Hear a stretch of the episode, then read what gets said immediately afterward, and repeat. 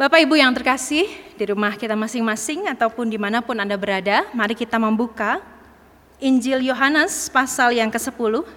Injil Yesus Kristus menurut Injil Yohanes pasal yang ke-10. Ayat 1 sampai dengan ayat yang ke-10 yang akan menjadi landasan perenungan kita pada pagi hari ini.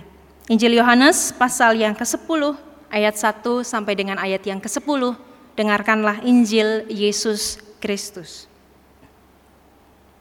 Aku berkata kepadamu, sesungguhnya siapa yang masuk ke dalam kandang domba dengan tidak melalui pintu, tetapi dengan memanjat tembok, ia adalah seorang pencuri dan seorang perampok. Tetapi siapa yang masuk melalui pintu, ia adalah gembala domba. Untuk dia, penjaga membuka pintu, dan domba-domba mendengarkan suaranya. Dan ia memanggil domba-dombanya masing-masing menurut namanya dan menuntunnya keluar. Jika semua dombanya telah dibawanya keluar, ia berjalan di depan mereka dan domba-domba itu mengikuti dia karena mereka mengenal suaranya. Tetapi seorang asing pasti tidak mereka ikuti, malah mereka lari daripadanya. Karena suara orang-orang asing tidak mereka kenal. Itulah yang dikatakan Yesus dalam perumpamaan kepada mereka, tetapi mereka tidak mengerti apa maksudnya. Ia berkata demikian kepada mereka. Maka kata Yesus sekali lagi, Aku berkata kepadamu, sesungguhnya akulah pintu ke domba-domba itu. Semua orang yang datang sebelum aku adalah pencuri dan perampok, dan domba-domba itu tidak mendengarkan mereka. Akulah pintu, barang siapa masuk melalui aku, ia akan selamat, dan ia akan masuk dan keluar dan menemukan padang rumput. Pencuri datang hanya untuk mencuri dan membunuh dan membinasakan. Aku datang supaya mereka mempunyai hidup dan mempunyainya dalam segala kelimpahan. Demikianlah Injil Yesus Kristus, berbahagialah kita semua yang bukan hanya saja membaca dan bukan hanya saja mendengar, tetapi yang sedia menyimpan dan melakukan Injil hari lepas hari. Haleluya.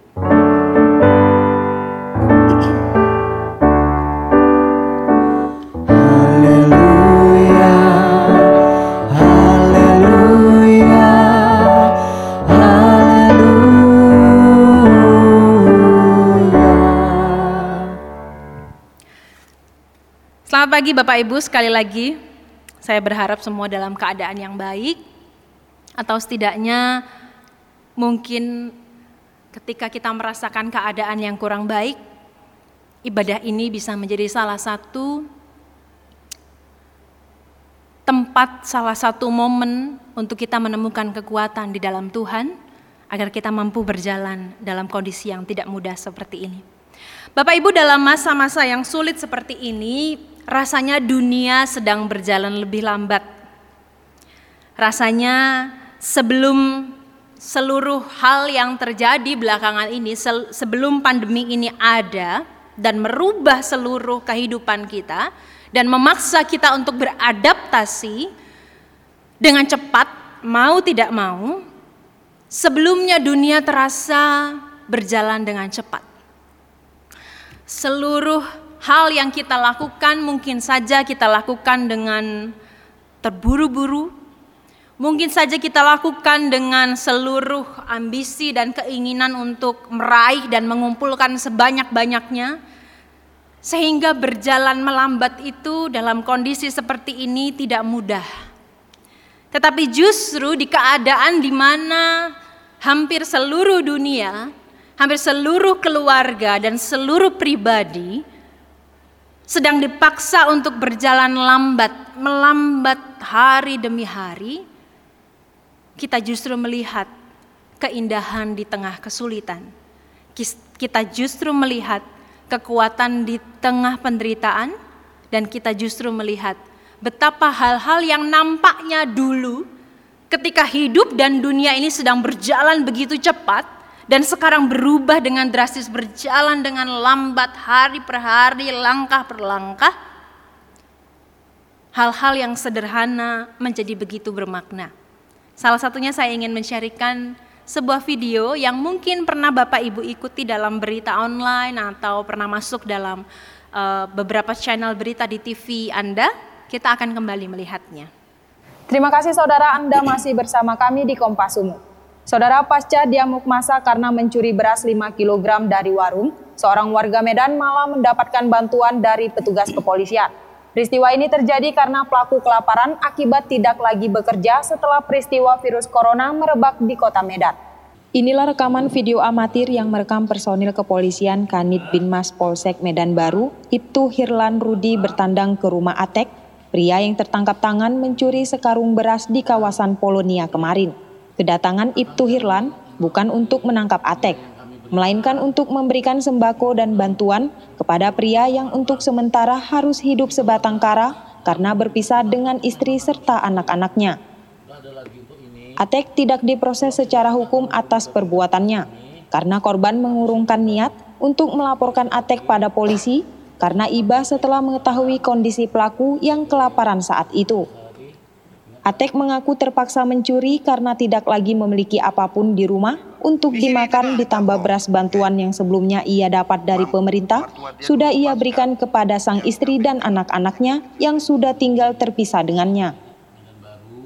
Kapolsek Medan Baru Kompol Martuasa Tobing mengatakan, bantuan yang diberikan semata bagian dari kepedulian Polri atas kondisi masyarakat saat ini yang mulai terdampak perekonomiannya akibat pandemi virus corona. Khusus untuk kasus pencurian yang dilakukan Atek, Kompol Martuasa Tobing memastikan jika kasusnya tidak akan dilanjutkan karena tidak adanya laporan pengaduan dari korban yang keberatan atas perbuatan Atek. Sebelum kami pulangkan kami tanya dulu, saudara Atek kenapa mengambil beras? Dan saudara Atek menjelaskan bahwa dia sudah tidak makan beberapa hari karena kelaparan. Nah, kemudian juga kami mengecek rumah apakah betul keterangan dari saudara Ate. Dan yang betul saudara Ate eh, memang sudah berapa hari tidak makan karena beras yang dia dapatkan dari pemerintah kebetulan memang diberikan sama istrinya dan sudah dicek juga oleh Kadit Bimas ke kepala lingkungan. Jadi betul memang berasnya diberikan kepada istrinya Sebelumnya kasus pencurian sekarung beras seberat 5 kg yang dilakukan Atek sempat viral di media sosial. Warga banyak bersimpati atas kasus ini karena latar belakang Atek mencuri semata hanya karena ia sudah tidak makan selama beberapa hari ditambah ia hidup sebatang kara. Tim Liputan Kompas TV Medan, Sumatera Utara. Bapak Ibu yang terkasih inilah yang saya maksudkan bahwa di tengah penderitaan Hal-hal yang dulunya nampak begitu sederhana dan mungkin saja tak bermakna, menjadi bermakna, menjadi sebuah gema yang bahkan sampai kita rasakan jauh dari keberadaan Bapak Atek ini. Ini adalah salah satu dari sekian banyak kisah yang lahir di tengah penderitaan ketika manusia memanusiakan manusia ketika manusia memanusiakan manusia. Ketika manusia melihat sesamanya sebagai subjek dan bukan objek. Ketika manusia melihat sesamanya sebagai sesama manusia yang juga sedang berada dalam jalan pergumulan dan penderitaan yang sama meskipun konteks konteks tempat sumber daya berbeda. Tapi ketika manusia kembali memanusiakan manusia yang lain, muncul sebuah pengharapan, muncul sebuah kekuatan, meskipun penderitaan belum usai. Ketika manusia belajar untuk mengasihi dan melihat sesamanya, manusia sebagai subjek sebagai seseorang yang pantas dan layak untuk hidup, untuk bertahan hidup di tengah kondisi ini. Bapak Atek ini adalah seorang yang dulunya bekerja sebagai tukang bubut las di sebuah tempat di uh, Medan. Sebelum pandemi ini dia masih bisa bertahan hidup dengan pekerjaannya. Dia hidup bersama dengan istri dan anaknya. Tetapi ketika pandemi ini terjadi, ia kehilangan pekerjaannya, tak punya lagi penghasilan. Istri dan anaknya terpaksa harus lebih memilih untuk pulang kampung dan Pak Atek sendiri ini bertahan di Medan. Sebenarnya, tadi kalau Bapak Ibu cermati, Bapak Atek ini sudah menerima bantuan sembako dari pemerintah. Tetapi ia memutuskan untuk mengirimkannya atau memberikannya kepada istri dan anaknya, sedangkan ia harus bertahan hidup beberapa hari dengan tidak makan. Dan keputusannya untuk mencuri 5 kg beras membuatnya pada awalnya menjadi orang yang dipersalahkan dan dibawa ke polisi. Dan ketika interogasi itu berjalan, diketahuilah motif dibalik dalam tanda kutip kejahatan yang di, atau kesalahan yang dilakukan Bapak Atek ini karena semata-mata ya belum makan. Dan bahkan belum makan selama beberapa hari. Ketika manusia memanusiakan manusia yang lain, ada kasih dan bela rasa yang melampaui kesalahan, melampaui hukuman. Dan Bapak Ibu ketika hari ini kita belajar dan kembali lagi merefleksikan tentang sebuah tema teladan sang gembala, dalam teks Injil Yohanes pasal yang ke-10 ayat 1 sampai 10 kita akan melihat relasi antar subjek yang begitu indah. Tapi sebelum saya menerangkannya bagi Bapak Ibu, Teks Yohanes pasal 10 ayat 1 sampai 10 ini haruslah dibaca dengan utuh. Karena kalau Bapak Ibu ingat di masa prapaskah kita beberapa minggu yang lalu, kalau tidak salah di kali pertama ibadah streaming ini berjalan, saya juga yang khotbah, dengan tema mata yang dicelikkan, kita membaca kisah sebelum Yesus mengatakan tentang perumpamaan tentang seorang gembala. Jadi kisah ini harus dibaca dalam satu kesatuan utuh ketika kisah sebelum Yesus mengatakan, mengajarkan, memberi perumpamaan tentang seorang gembala kepada para orang Farisi, kepada orang buta yang baru Yesus saja celikkan, baru Yesus celikkan matanya orang buta sejak lahirnya. Dan kisah itu baru mengantar kita pada kisah ini. Saya akan mengingatkan sedikit kepada kita Bapak Ibu sehingga ketika kita membahas konteks ayat ini pengertian kita menjadi utuh dan lengkap. Secara singkat bahwa ketika Yesus mencelikan mata orang buta yang buta sejak lahirnya itu Yesus tiba-tiba menghilang dan si orang buta ini bertemu dengan beberapa orang ditanya begitu ya dan ia mempersaksikan bahwa ia tidak melihat siapa yang sudah mencelikkan matanya, tapi ia mengalami sendiri betapa ia yang buta sejak lahir kini bisa melihat dunia. Perbincangan terjadi antara orang Farisi dan juga orang buta ini sampai orang Farisi yang tidak mau percaya itu memanggil orang tuanya dengan mengatakan benar nggak ini anakmu? Si orang tua dari anak ini memilih untuk tidak berpihak kepada anaknya karena takut bahwa pada waktu itu ada ancaman barang siapa yang percaya dan mengikuti Yesus akan dikucilkan. Dan orang itu bilang, ya tanya aja lah sama dia, dia sudah dewasa, cuci tangan. Sampai di detik terakhir ketika orang Farisi ini tetap tidak percaya bahwa ini adalah karya Yesus, si orang buta ini penuh dengan keheranan, mengatakan bahwa bagaimana mungkin kamu tidak percaya bahwa orang ini melakukan secara ajaib apa yang aku rasakan. Setidaknya begitu kalau kita bahasakan. Dan mendengar keheranan dari si orang buta ini, orang Farisi itu begitu membenci dan pada akhirnya menghina. Kamu orang berdosa berani-beraninya mengatakan padaku seperti itu, intinya begitu. Dan pada saat itu Yesus datang dan kemudian ia, Yesus baru mengajar memberikan sebuah pengertian dan perum, melalui sebuah perumpamaan tentang seorang gembala. Nah, Bapak Ibu itu konteks besarnya. Sehingga kalau kita baca dengan seksama, siapa yang dimaksud dengan pencuri? Siapa yang dimaksud dengan perampok? Ini merujuk atau e, pencuri dan perampok itu menunjuk tentu kepada orang Farisi tentu kepada orang-orang Yahudi yang pada waktu itu tetap bersikeras untuk tidak percaya dan membantah semua kesaksian dan pengalaman si orang buta yang sudah dicelikkan itu. Oleh karena itu kita mampu melihat, menengarai, membaca siapa yang sedang Yesus maksudkan. Nah, barulah dengan itu mari kita bahas soal bagaimana teladan sang gembala itu adalah gembala yang melihat domba-dombanya sebagai subjek dan bukan objek. Bapak Ibu kalau kita lihat di ayat yang pertama, aku berkata kepadamu sesungguhnya siapa yang masuk ke dalam kandang domba dengan tidak melalui pintu, tetapi dengan memanjat tembok, ia adalah seorang pencuri dan seorang perampok para pencuri, para perampok mempunyai keinginan untuk merampas dan mengambil domba-domba. Domba-domba itu merujuk pada umat, merujuk pada orang-orang yang percaya, merujuk pada si buta yang baru dicelikkan itu.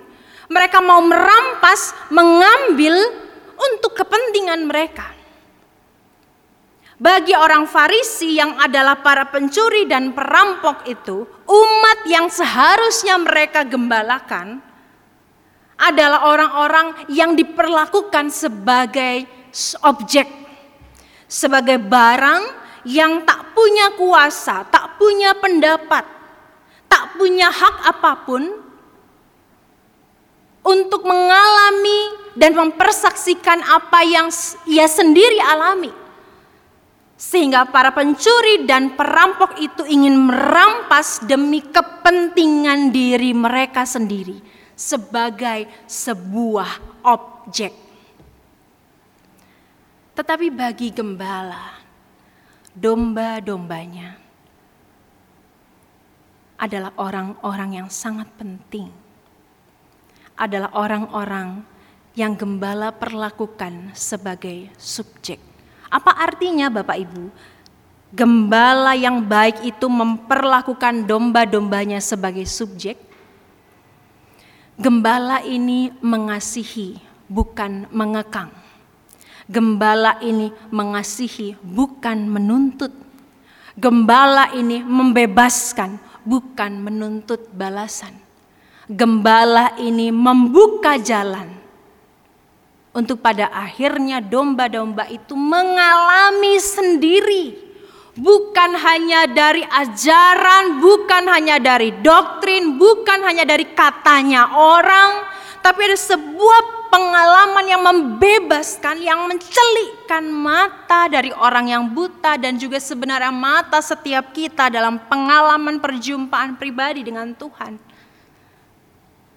Ia melihat kita sebagai subjek. Kita bukan objek di mata Sang Gembala Agung itu. Betapa kasihnya membuat kita pada akhirnya bisa memilih, bisa memutuskan, bisa ikut berpartisipasi, bisa dengan bebas untuk menanggapi cintanya yang luar biasa. Dan relasi melalui pengalaman itulah yang membuat kalau kita lihat Bapak Ibu di Yohanes 10 ayat 1 sampai 10, kata mengenal itu diulangi setidaknya sebanyak dua kali. Domba-domba itu mengenal aku. Domba-domba itu mengenal sang gembala. Oleh karena domba-domba itu merasakan perjumpaan pribadi dengan Tuhan, pengalaman yang begitu mencelikkan matanya, ia mengenali sang gembala itu. Ia merasakan dan mampu mengenali, menengarai mana suara sang gembala, mana yang bukan suara sang gembala.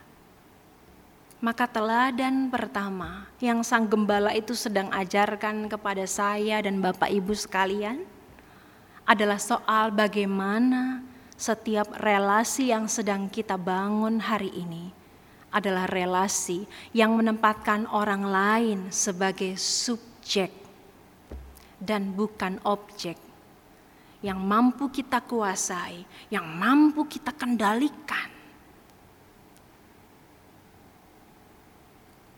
Apakah relasi yang selama ini kita bangun dengan keluarga kita? Bapak Ibu dalam masa bekerja di rumah bagi kita yang uh, sudah bekerja di rumah, atau bagi kita yang lebih banyak menghabiskan waktu belakangan ini di rumah, rasanya bicara tentang relasi antar keluarga itu menjadi salah satu hal yang menarik. Saya banyak mendengar bahwa ketika sebuah keluarga di rumah begitu ya 24 jam setidaknya muncullah gesekan sana sini, konflik sana sini yang dulu sebelum pandemi ini ada tidak ter, terlalu terlihat gitu ya. Dulu ya berelasinya sih oke gitu ya, tapi kan ada kegiatan lain seenggaknya. Tapi ketika di rumah saja muncul dinamika dari relasi yang terlihat. Dan apakah relasi kita selama ini, baik relasi kita dengan suami, baik relasi kita dengan istri, dengan anak-anak, dengan orang-orang yang bekerja di rumah kita, dengan anggota keluarga kita yang lain, Adakah itu sudah menempatkan setiap orang atau setiap anggota keluarga itu menjadi subjek, menjadi pribadi yang bebas, menjadi pribadi yang merdeka? Cinta kita dalam relasi, perhatian kita, mereka rasakan bukan dengan tuntutan, bukan dengan keinginan untuk mengendalikan, tapi cinta yang muncul untuk membuat mereka merasakan cinta dan perhatian kita. Apakah relasi yang sudah kita bangun adalah relasi yang mendorong orang lain untuk menjadi subjek yang juga mampu mengasihi kita, yang juga mampu menolong kita. Keteladanan yang pertama dari gembala adalah keteladanan yang membuat kita melihat betapa ia sudah memperlakukan kita sebagai subjek. Kita bukan robot yang yang ia kendalikan dari sorga dengan remote control, ya Kesha hari ini masak, ya, ya, ya, ya, ya. Tapi dia memberi kita akal, budi, memberi hati kepada kita. Untuk kita betul-betul mengalami cintanya. Itu yang pertama. Yang kedua, Bapak Ibu. Oh, sebelum yang kedua. Bapak Ibu, di ayat yang ketiga, untuk dia, penjaga membuka pintu dan domba-domba, mendengarkan suaranya dan ia memanggil domba-dombanya masing-masing menurut namanya dan menuntunnya keluar. Bapak Ibu terjemahan dari sebuah frase menurut namanya itu bukan hanya diartikan bahwa nama harafiah gitu ya. Nama harafiah kita identitas kita, bukan hanya itu tetapi nama di dalam konteks ini juga berarti soal karakteristik kita, keunikan kita. Gembala itu bukan hanya mengenal nama, oke, okay? Kesha, uh, Jili, uh, siapa gitu ya, bukan. Tapi ia betul-betul mengenal keunikan kita mengenal karakteristik kita, mengenal siapa kita, bahkan mungkin dia yang lebih mengenal kita daripada diri kita sendiri. Ketika relasi dan kasih membuat orang yang berelasi dan orang yang kita kasihi itu adalah sebuah subjek, maka kita sebenarnya sedang didorong untuk bukan hanya mengenali apa yang tampak di luar, tetapi apa yang ada di dalam hati. Karakteristik, keunikan, dan setiap domba-dombanya. Sang gembala itu mengenal, oh yang satu ini spesial karena ini. Yang satu ini juga spesial karena ini. Ia mengenal siapa kita. Dan teladan gembala yang kedua adalah saya akan bacakan dari ayat yang keempat. Jika semua dombanya telah dibawanya keluar, ia berjalan di depan mereka dan domba-domba itu mengikuti dia karena mereka mengenal suaranya. Bapak Ibu kalau kita baca dengan cermat kita tahu bahwa tempat yang aman bagi para domba ternyata bukan dalam kandang. Mengapa? Karena sejak ayat yang pertama dikatakan bahwa sekalipun domba-domba itu aman dalam kandang, pencuri, perampok bisa mengambil mereka di waktu malam begitu ya. Naik ke atas pagar untuk mengambil mereka. Kandang bukanlah tempat yang aman. Di luar kandang pun apalagi gitu ya Bapak Ibu. Tadi dikatakan bahwa si gem, uh, sang gembala itu menuntun mereka keluar. Ini berarti baik di kandang maupun di luar, dua-duanya ini ada bahaya yang mengancam para domba. Ketika di kandang terancam untuk diambil oleh perampok, ketika di luar terancam untuk dimangsa oleh binatang buas. Lalu di mana tempat aman bagi para domba? Tempat yang paling aman bagi para domba adalah berjalan di belakang sang gembala. Keteladanan yang kedua dari seorang gembala kita yang agung adalah sekalipun kita para dombanya berjalan dalam lembah kekelaman, berjalan dalam kesulitan, asal kita mau berada tepat di belakang sang gembala agung itu, Sang gembala itu memberikan rasa aman yang membuat kita percaya bahwa dalam kandang atau di luar kandang sekalipun kita aman asal berada bersama dengan sang gembala. Oleh karena itu keteladanan yang kedua yang sang gembala mau katakan kepada setiap kita, kepada saya dan Anda semua adalah Adakah relasi-relasi yang mungkin saja sedang kita definisikan ulang? Adakah relasi-relasi yang sedang kita bentuk ulang? Ada relasi-relasi yang memberikan rasa aman dan percaya bahwa kita semua sedang berjalan bersama-sama.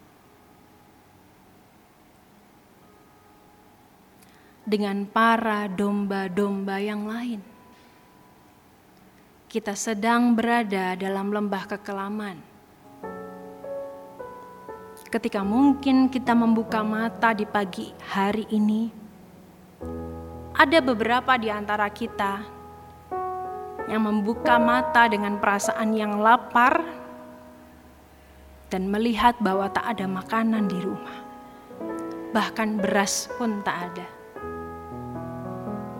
Ada mungkin di antara kita yang membuka mata kita dengan berpikir apakah saya masih bisa bertahan hidup karena di PHK.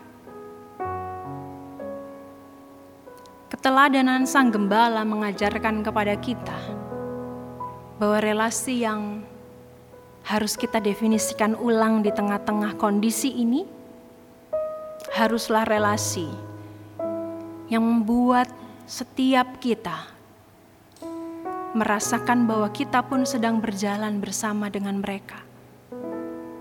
Sehingga dalam kesulitan apa pun,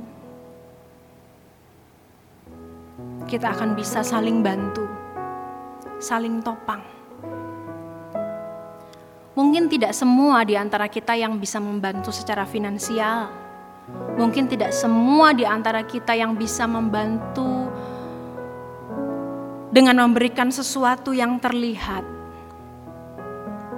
Tapi mungkin ada beberapa orang yang secara mental sudah sangat berat dan lelah ketika di rumah saja. Dan membutuhkan seseorang untuk berbicara, seseorang untuk mendengarkannya. Seseorang yang mendoakannya. Seseorang yang setiap hari menyapa, halo apa kabar? Apakah kamu masih baik-baik saja? Apa yang bisa aku bantu untukmu? Ada banyak yang bisa kita lakukan. Untuk meneladani sang gembala yang menjalin relasi yang melahirkan rasa aman dan percaya bahwa saya tidak sendiri. Ada kawanan domba-domba yang lain dan tentu ada sang gembala yang berjalan di depan. untuk menuntun dan mengarahkan kita ke padang rumput. Mungkin kita nggak tahu apakah padang rumput itu sebentar lagi atau masih lama. Apakah pandemi ini akan berakhir di bulan Juli, Juni, Agustus, Desember?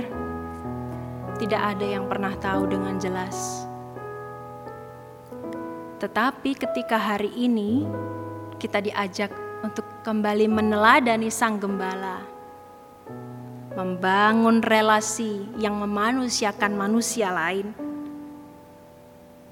melihat mereka sebagai subjek yang bebas, yang merdeka. Dan pada akhirnya membangun relasi untuk membangun rasa aman dan percaya bahwa mereka tidak sendiri, bahwa kita tidak sendiri. Bahwa ketika kita meminta tolong akan ada pertolongan yang datang entah dari orang asing yang tidak pernah kita duga atau dari tetangga kita sebelah yang secara diam-diam mengerti pergumulan kita lalu mengantarkan makanan, saya masak lebih bu, silakan dinikmati. Lalu tetangga ini mengatakan terima kasih bu, saya nggak punya lauk. Barusan saja kami makan hanya dengan nasi. Tapi Tuhan beri kami lauk. Apa pun bisa kita lakukan. Waktu ini adalah waktu yang tepat untuk kita betul-betul menjalin relasi yang sebenarnya kembali pada relasi asali manusia, bahwa manusia tidak diciptakan untuk hidup seorang diri, tidak diciptakan untuk menikmati hidup ini sendiri. Hari ini, Bapak Ibu yang terkasih, saya mengajak setiap keluarga yang sedang beribadah, atau setiap orang-orang yang Anda anggap sebagai keluarga, mari duduk saling berdekatan, saling memegang tangan satu sama lain, saling memberikan sentuhan hangat sebagai sebuah tanda dan respon. Yuk, kita jalin relasi yang baik. Mungkin di hari ini ada suami istri yang sedang bertengkar, yang sedang kelelahan. Mungkin ada luka yang belum selesai di antara orang tua dan anak. Ini waktunya. Ini waktunya untuk membangun relasi yang baru, sebagaimana Sang Gembala telah teladankan bagi kita. Mari saling bergandengan tangan, saling menatap, saling mengasihi. Kita masih diberi waktu untuk mengisi kehidupan dengan penuh cinta kasih, mulai dari keluarga Anda. Saya tidak menjamin bahwa relasi yang akan ada adalah relasi yang penuh dengan cinta kasih semata-mata, lalu tawa dan canda. Tidak pernah ada relasi yang semulus itu.